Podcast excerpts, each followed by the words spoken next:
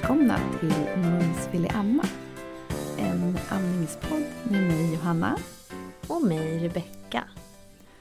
Och idag tänkte vi att vi bara ska vara vi.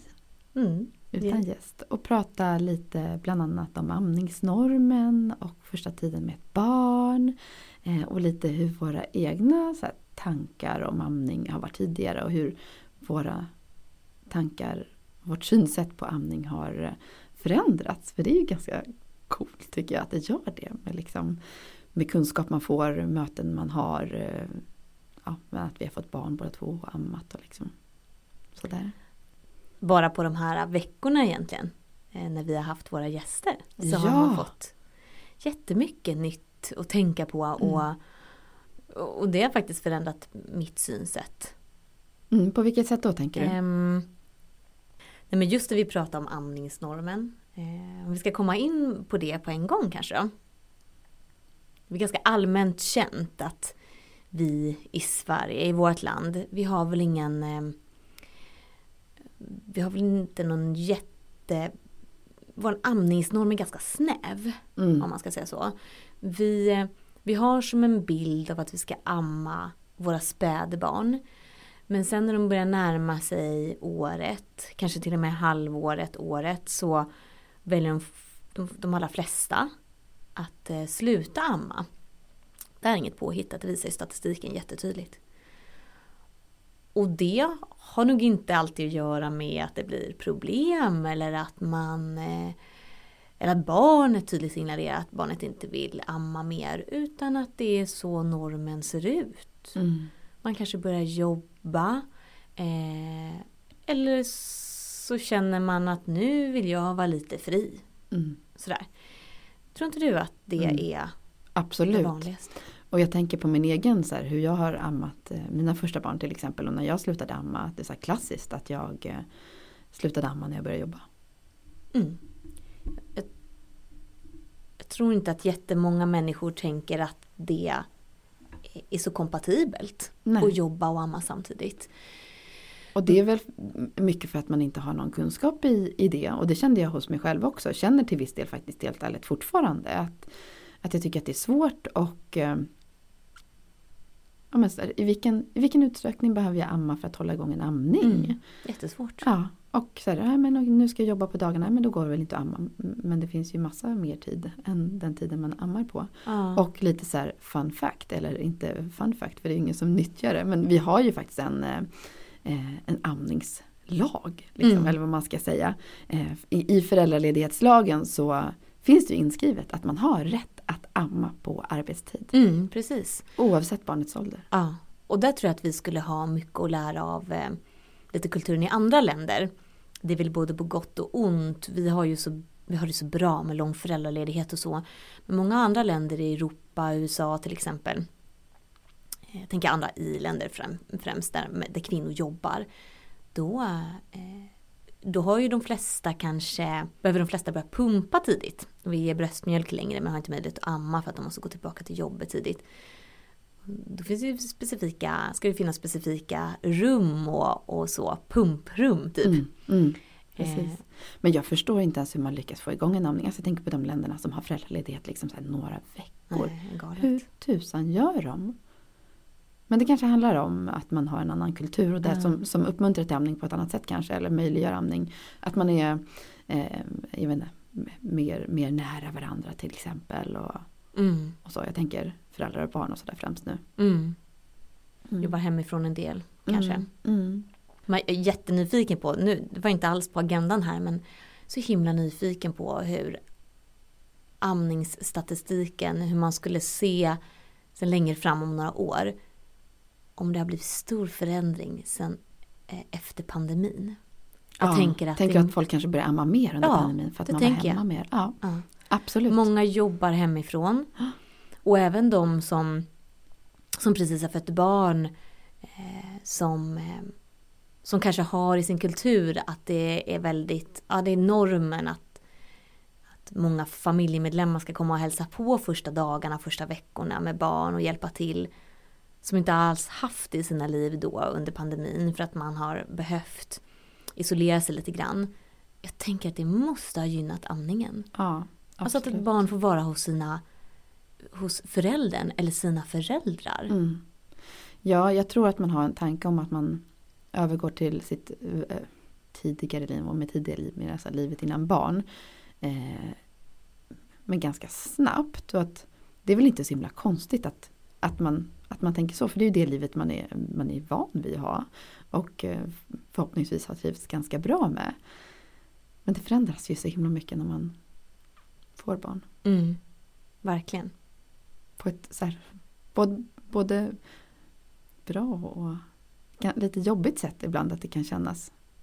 Jag, jag tänker på min egen inställning till amning. Så här, hur, Mm. min, min amningsresa har varit mina senaste år. Jag försöker tänka på hur jag själv har sett på amning tidigare, kanske innan jag till och med var barnmorska. Mm. Eller ens funderade på att skaffa barn. Ja, Mm. men precis. Mm. Jag tror att jag var liksom pass, passar in i, i normen hur jag tänkte på amning. Mm. Precis lite som du sa i början, så att, att eh, små barn ammas. Och jag, jag tyckte nog faktiskt att det var lite, ja men typ nästan äckligt med amning av äldre barn. Mm. Och när jag säger så så tror jag aldrig att jag ens reflekterade längre än så. Utan det handlade ju om att här, det var utanför normen och därför tyckte jag att det var weird. Mm. Eh, och sen så skäms jag att jag inte var mer självkritisk så här, och ifrågasatte min egen, mina egna tankar. Som, vad var det som var äckligt med det? Men det är ju på grund av att man blir så färgad av samhället ju. Och det är Ja. inte så konstigt om man inte själv är där, varken yrkesmässigt eller privat Nej. att man har egna barn eller så. Eller om man har syskon med barn, om man inte utsätts för det. Då är det klart att man inte reflekterar över det. Nej. Eh, Det tycker jag tycker inte jag ska Nej. vara så hård mot sig själv. Men jag förstår precis hur du Jag menar. kanske är lika hård mot mig själv som med resten av samhället. Exakt. Nej men jag tyckte att det var en skillnad för mig själv. Så här, dels när jag började plugga till barnmorska, jag fick mer kunskap om amning, vart liksom mer positivt inställd. Mm. Eh, inte att jag var negativt inställd men jag fick en bredare syn på amning. Mm. Eh, och sen så i, i min egen, att jag har fått barn själv har verkligen utökat. Men alla möten med våra kollegor, Mm. våra amningskunniga kollegor, att man följer amningskonton på Instagram Mm. för att jag är liksom är intresserad. Eh, men också gästmöten här Mm. eller med patienter på förlossningen och också med eh, kompisar Mm. som får barn. Verkligen. Och där ser jag en helt annan anledning till under graviditeten när man får, frågan kring amning. Så får ju de flesta fylla i om man vet om man själv har blivit ammad. Mm. Ehm, och i så fall hur länge och sådär. Så där har vi en jättestor kulturell eller liksom aspekt kring eh, man har ju en, en för, eh, vad ska, förutfattad mening då. Eh, när du kanske har frågat din mamma. Ja men eh, blev jag ammad och eh, hur länge och sådär. Så det är klart om, om min mamma säger då nej, men jag, jag ammade er alla tre barn i ungefär ett halvår vill jag minnas. Och, ja, nej men, och det funkade jättebra. Men det är klart att om man inga, inte har några som helst erfarenheter sedan innan så tänker man att men det, det låter väl bra, det var ju så. Det var ju så det var för mig. Ja, men, Mm. Och det får vi ju höra jättemycket på jobbet Mm. av våra kvinnor, ammerskor. Att min mamma, min mamma, min Mm. mamma kunde inte amma. Eller min mamma Mm. ammade i fyra år. Nej, men Mm. man blir så färgad. Mm. Det, är som att det går i arv lite Ja, faktiskt. verkligen. Och att man måste få då andra typer av input Mm. för att förändra sitt tankesätt Mm. och sitt synsätt. Men det tycker jag ändå är fint. Jag förstår ju att jag tar del av mer amningsinformation än liksom gemene man eftersom jag är amningsintresserad. Men jag tänker bara så här, utbudet på till exempel Instagram eh, med amningsvänliga konton Mm. Tycker jag är väldigt fint. Som jobbar för att sprida information och bredda, bredda synsättet och vara lite ifrågasättande. Och, Absolut. Kända personer som lägger upp bilder på när de ammar mm, och ammar sina större barn. Mm. Och, ja, det är jättefint. Jag, eh, man blir så himla rörd. Man hoppas ju att det ska påverka samhället i längden. mm, Det är klart att det är en lång process eftersom det är så det är så etablerat just nu som det är just, alltså barnmatsindustrin är så stor och allting kring det här som har påverkat oss. Men det är synd för att för bara 30 år sedan, på på 90-talet så var amningsstatistiken mycket högre. Mm. Och då undrar man vad beror det på Mm. då? 30 år är ju inte jättemycket. Nej, det är verkligen inte. Mm. Men jag tänker också på att, nu byter jag lite ämne, men att det är så nästan som att det finns två läger med, med amning. Mm. Att det är de som är så här pro-amning och långtidsamning och liksom utanför normen på det sättet. Mm, Och de som inte, inte kan amma och med, med de som inte kan amma menar jag dels de som faktiskt inte kan amma av fysiologiska anledningar, för det finns det, eller medicinska anledningar. Men också de som inte får till en amning för att amningsstödet är så urkast Mm. många gånger. Mm. Och det är så känsligt åt båda hållen.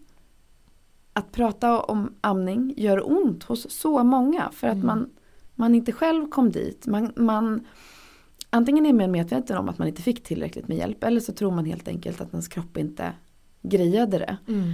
Ehm, och de som inte kan amma har säkert delvis ibland en sorg i det och delvis en trygghet i det. Att så här, men jag, jag vet att jag inte kan eller bör amma. Precis som du säger, det är en jättekänslig fråga. Och eh, man vet ju att den här känsliga frågan kan ju påverka föräldrabilden. Alltså bilden av dig som förälder och kan göra att man känner sig misslyckad kanske. Ja. Och det är ju det, är det sista man vill, Mm. verkligen. Alltså man, vill ju, man vill ju att alla föräldrar ska få känna sig som de bästa föräldrarna. Mm. Och, och menar, det är man ju. Det finns ju all möjlighet att visa, visa liksom kärlek till sitt barn. Mm. Även om man inte ammar. Det handlar ju Ja. verkligen inte om det på Nej. något vis. Och vem är en perfekt förälder? Det finns inga perfekta Nej, föräldrar. men jag, jag tänker mycket det som en, en eh, kollega sa en gång till mig så här att eh, good enough, det är det bästa. Ja, verkligen. Det, det är That's it. Så är det. Alla känner sig någon gång som en usel förälder. Ja, jag tycker Eh. ganska ofta att man bara "Åh, Gud, var jag tvungen att bli liksom irriterad på det Ja. där? Visst. Eller Ska vi inte börja prata om föräldraskap för då kan man ju börja prata i evigheter. Det finns andra poddar för det. Ja, såklart, såklart. Nej, men det ska vi Men- eh, absolut inte göra. Ehm, Men någonting som, nu byter vi ämne igen. Men om vi går tillbaka till spädbarnstiden. Någonting som vi känner att vi har, att vi vill lyfta, som vi har pratat jättemycket om, du och jag Johanna, och som vi pratar, försöker prata jättemycket om när vi håller våra amningsföreläsningar på jobbet och när vi pratar med våra patienter, våra nyblivna föräldrar om amning. Så försöker vi lyfta den här aspekten kring barnets basala behov precis när barnet har kommit ut eh, ur, ur livmodern, ur moderlivet. Går från den här eh, transaktionen moderliv till jordliv. Jordemor, som det heter Ja. på norska så fint. Och som det hette Mm. förr. Barnmorska hette jordemor. Och hur vi borde bara påminna alla om hur extrem den här transaktionen är för det nyfödda barnet. Alla vet ju när barnet ligger i magen att det ligger i vatten, det är varmt, det är gött. Eh, är, det, är det ett friskt barn och normal graviditet så har ju barnet det jättebra där i magen och eh, får så här, det är gosigt liksom. Tänk er att Mm. ligga i ett varmt spa. mm. Alltså så varm, bubbelvatten, kanske inte bubbel men, ja, men så här varmvattensbad. Du blir så ständigt serverad med jättegod mat. Eh, du ligger där i mörkret och lyssnar på mammas hjärtslag och suger lite på din hand. ja men det är, det är jättemysigt. Och sen kommer man ut i den här kalla, hårda världen. Där det, är ka- alltså det är kallt, det är ljust, det är konstiga röster. Och allt du vill är bara komma tillbaka där. Krypa upp på din mammas bröst, lyssna på hjärtslagen, ha nära till bröstet till det här äh, som vi pratade om i första avsnittet. De här välbekanta dofterna vid bröstet. Eh, och oh, vara hud mot hud typ hela tiden. Det är ja. det enda du känner dig trygg med. Man måste förstå när barnen skriker när man lägger ifrån sig dem. Herregud, det är värsta, det är värsta megaomställningen. Det är mm. klart de inte vill bli ifrånlagda. Det är klart de bara vill vara nära. Mm. Eh, och alltså bara komma ihåg det. Då får man en större förståelse för barnet. Verkligen. Jag tänker på andra djur som föder barn. Djur som föder barn som går när de föds ja, och så vidare. Ja. Det borde egentligen signalera till oss också att här, mm. våra barn är kanske inte riktigt redo att födas men behöver födas för att Precis. våra kroppar ser ut som de gör. Mm. Att vi, vi kan liksom inte föda barn annars. Men de är inte klara, de är inte färdiga att gå och sköta sig själva. Det tar lång tid. Extremt eh, hjälplösa. Ja. Och man, man pratar ju tycker jag mer och mer om fjärde trimestern. Ja. Eh, graviditeterna delas ju upp i trimestrar, första, andra, tredje. Men så här, fjärde trimestern efter att barnet är fött. Vilka behov barnet har då. Och att precis som du säger, barnen har ju samma behov som inne i livmodern. Mm. Så att om man kunde ha inställningen att man skulle vara nära i princip hela tiden. Alltså vilken skillnad det skulle göra för amning. Mm. Vilken skillnad det skulle göra för så mycket. Mm.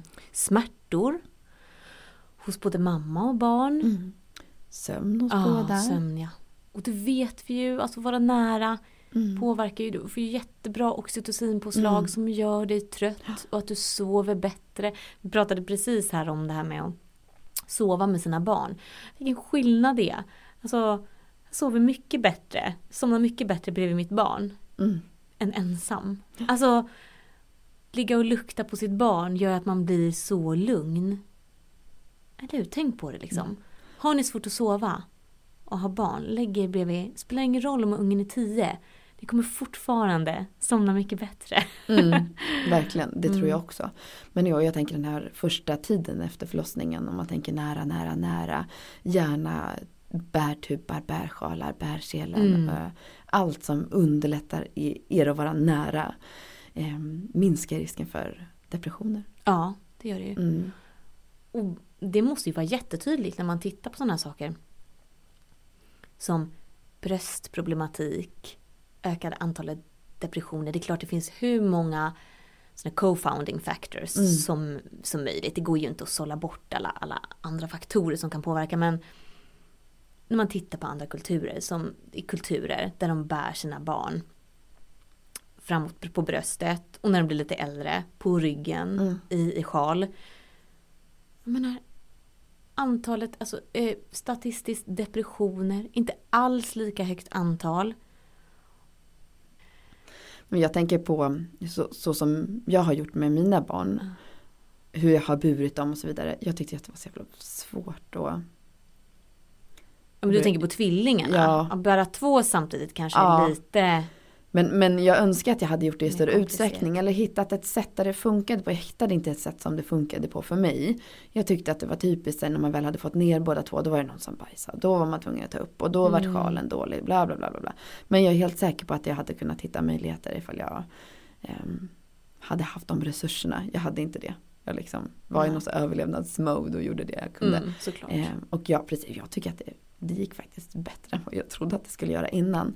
Men med min tredje nu, han har ju varit betydligt mer i sjal. Mm. Och jag tänker att det kanske inte är ovanligt som man brukar prata om att så andra och tredje och fjärde och femte och så vidare. Barnen bara hänger på. Mm. Därför att livet ser annorlunda ut. Man har ett större barn som behöver stimuleras. Man går ut i lekpark ifall man har mm. lekparksålderbarn eller vad det nu kan vara. Mm. Och då blir det mer naturligt att man kanske bär. Ja, det lilla barnet det är som att man fortfarande har det i magen. Ja. Det hänger på där liksom ja. på bröstet. Det är ju hur smidigt som helst. Precis. Eh, så det är win-win egentligen. Mm. Men det är svårt att få, få, få till. Alltså jag tänker rent så här, vi vet ju att samhället ser inte ut så. Nej. Folk bär inte sina barn i den utsträckning som vi önskar. Nej. Och kollar man forskning så ser man ju att barn i västvärlden gråter betydligt mer än andra barn till exempel. Och det tror man ju har jättemycket att göra med att vi inte alls är lika mm. fysiskt närvarande med varandra. Mm. Gud ja. Om man får lägga in en liten eh, hmm, känslig aspekt där då. Mm. vi hade ju en planeringsdag på jobbet häromdagen och eh, då hade vi en, en psykolog som föreläste. Det var så intressant och fick lära mig så mycket. Det gick så fort bara så man kommer inte ihåg hälften. Men eh, det var väldigt intressant och någon aspekt som hon tog upp eh, och som vi har pratat jättemycket om på jobbet och så. Det är den här skärmaspekten. Alltså de här jävla skärmarna. Våra telefoner. Jaha, jag bara skärm, som att man skärmar Nej, varandra. Ja, precis. Nej, men, eh, de förstör ju livet. Alltså på riktigt. Jag är ju jag är rädd för hur det kommer bli i framtiden. Vi som uppvuxna, uppvuxna liksom utan skärm, våra föräldrar hade inga skärmar som de tittade på. Barn tappar ju helt alltså spegelneuroner. Det här med att vi speglar varandra. Ni vet man brukar prata med när man tittar på sitt barn och när det börjar bli lite äldre. Och när man kan le och barnet är tillbaka. Förstå så många gånger barnet söker din kontakt om man stoppar en skärm däremellan. Särskilt de här små som inte förstår. Jag pratar inte om femåringar för de, de har ju kanske ett annat sätt liksom, att tänka men, men särskilt i början. Det är ju det blir en jättekonstig grej för barnen. De söker kontakt, eh, liksom ögonkontakt och, och, och försöker hitta sitt sätt och, eh, och, och, vill spegla sig med sin förälder. Och så dyker det upp en skärm däremellan. Man, se, man ser ju till och med liknelser mellan eh, Alltså att, när vi kollar på skärmen hur vi beter oss när vi är deprimerade. Oh, inte så jävla konstigt. Att, nej men precis, och hur svårt blir inte det för barn då? Mm. Och man är helt, jag vet att man tror att man har bättre koll när man kollar i sin skärm på omgivningen. Det har man inte. Mm. Man har verkligen inte det. Det här var en ganska stor grej i vårt föräldraskap faktiskt det första året. Mm. Eh, med min mobilberoende man. Mm. Jag har den också där hemma. Du, ja. vet, du vet vad jag pratar om där hemma. precis. vi har fortfarande de här diskussionerna. Ja men, men, ja, men precis, jag tyck, vi har det faktiskt betydligt bättre på, på det planet för att vi liksom gjorde upp regler för hur ja. vi använder våra mobiltelefoner. För jag som ändå var väldigt negativ till skärm, mm. är negativ till skärm, kände ju att jag också satt med min skärm. Mm. Att den lätt kom upp oftare mm. än vad jag mm. hade för ambition, oftare än vad jag ville och det fanns ingen mening med det. Mm. Men alltså, jag tror man behöver lägga bort den. Mm. Man, man, kan inte ha den framme. Nej. Men det märker ju, det märker ju barnen och de blir ju intresserade också. Mm. Det blir ju en spännande grej här och det lyser där mm. och mm. du ser att mamma och pappa fipplar med skärmen. Det är ju jättespännande. Jag ska inte säga någonting. Jag har ju ett jättelitet barn där hemma som tycker att min mobiltelefon är den mest intressanta som finns. Det är för att hon inte får ha den heller men mm. så fort hon får tag på den så mm. händer det ju grejer där. Försvinner appar och allt möjligt liksom. För jag tänker skärm och amning. Ah. Nog för att så här, ja, man ska kolla på sitt barn när man ammar. Jag menar ju inte att man ska sitta och glo på varandra liksom hela, hela, hela, hela, hela tiden. Men det är ju jätteviktigt att connecta, att liksom, att bekräfta barnet vid bröstet. Mm. Och det behöver ju inte heller bara vara vid amning. Liksom, utan generellt att du har ett barn, du, du går i barn, alltså går en promenad med mm. barnet i barnvagn. Mm. Och barnet tittar på dig mm. och du tittar på en skärm liksom. Precis. Nu det tänkte jag ju att vi har en amningspodd så jag måste jo. koppla det här till amning. ja. Men om man bara får lägga in någonting så här, snälla alla människor där ute med, med, som är nyblivna föräldrar särskilt, lägg undan era telefoner. Mm. Är det ingenting viktigt, du måste ta ett samtal, du måste svara på ett meddelande som är viktigt. Så är det viktigare, det kan liksom påverka hur ditt barn blir mm. i framtiden. Vad ditt barn blir för person. Mm. Så det påverkar jättemycket. Mer än vad vi tror. Vi har ingen aning för vi har ingen statistik på det här än. Vi vet inte vad våra barn växer upp till att bli. Nej, precis. Men jag tror på back to basic. Mm. Vad behöver vi? Vad behöver barnet? Jo, de behöver oss. That's it. Mm. Det är allt små barn behöver. De behöver oss. Och närhet och kärlek. Mm. Inget, man behöver ingen fancy spjälsäng. Vad fan ska man med spjälsäng till? eh, nej men, nu går vi tillbaka till den här spädbarnstiden igen. Ja, men man vill bara säga det.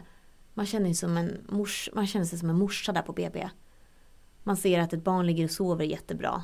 För en gångs skull. Och man har föräldrar som beklagar sig över att de aldrig får sova. Och så ligger föräldrarna ändå, ändå där med sin skärm. Mm, precis. Då går jag fram som en morsa och säger Lägg undan era telefoner mm. nu och vila. För ni behöver vila när barnet sover. Mm. Man måste anpassa sig till barnet Mm. i början. Och det är tuffa med att jobba natt. Nyblivna föräldrar tror att de ska få sova på natten. Men alltså, jag är ju så ledsen att säga det, men ni kommer inte få sova på natten. Och ni behöver sova i skift. Ni kommer ha ett barn som är vaken mestadels på natten. Mm. De första veckorna, Mm. när barnet mognar i, i sin hjärna. Ja och då vill jag också från, från Mm. barn som kanske inte sover så superbra på natten. Det, det är visst, efter några veckor så är det ju några barn som sover betydligt Ja, bättre. det brukar Det är ju långt kanske ifrån- sig ibland. Ja precis Mm. men det är ju långt ifrån alla. Absolut. Alltså, mina barn har alltid vaknat tätt på natten. Mm. Ehm, och det, det har jag sett som naturligt för dem. Mm. Även om jag i början inte hade den liksom, inställningen utan jag tänkte bara så här, gud vad är fel? Mm. För jag förstod inte. Jag tror att man har den här, jag tror att många har det, jag hade det, en bild, en förskönad bild av hur det ska vara. Och Mm. för vissa är det så, det säger jag inte. All, det är så olika för alla så det är ju Mm. det som är problem, problemet. Men jag förstår faktiskt de här nyblivna föräldrarna. Mm. För de, hur ska de veta? Det är ju ingen som faktiskt berättar Mm. hur verkligheten ser ut. Nej, Jag tycker inte det. verkligen. Det är som att ehm, man kanske borde ta upp det här i samhällskunskapen i gymnasiet. Ja, Biologin, Ah. fasiken. Alltså, så här beter sig ett nyfött spädbarn. Eller så här Mm. beter sig spädbarn. Jag vet inte, det är, det är precis som du säger. Det är som att jag menar person där ute har noll koll på Mm. eh, spädbarnsbeteenden. mm, Eh, och det är ju förståeligt då eftersom de kanske inte har blivit utsatta för ett Mm. spädbarnsbeteende förut. nej. Och ingen någonsin har sagt till dem att barn sover inte på natten. Eller ja, viss- vissa barn i alla fall Ja. till en början. De flesta gör inte det. nej. Men gud, jag kan bara gå tillbaka till mig själv. Jag är ändå barnmorska när jag fick mitt första barn. Och jag kommer ihåg vår första natt där hemma. Ja, det var väl dygn två då. Jag tyckte det var så hemskt. Jag fick inte sova på hela natten. Mm, Jag kommer ihåg att jag grät. mm. Och nu efteråt så känner jag bara, men herregud Rebecka. Nu jobbar du ju på natten. Det är väl inte hela världen att inte få sova en natt. Nej, men det, när man inte är inställd. Det kommer ju som en chock ofta. Ja.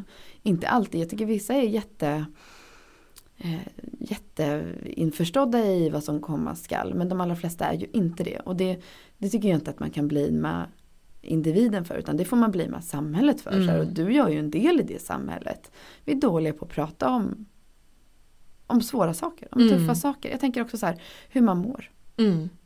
Absolut. Hur dålig är man inte på det? Man frågar varandra hela tiden. Så hur läget? Vad säger man? Ja, det är bra. Ja, Alla verkligen. säger det alltid. Det är så bra, de har börjat med ganska nyligen ju. Under graviditeten på mödravården. Faktiskt screena måendet. Ja, Det gjorde de inte när jag väntade mitt första barn. nej.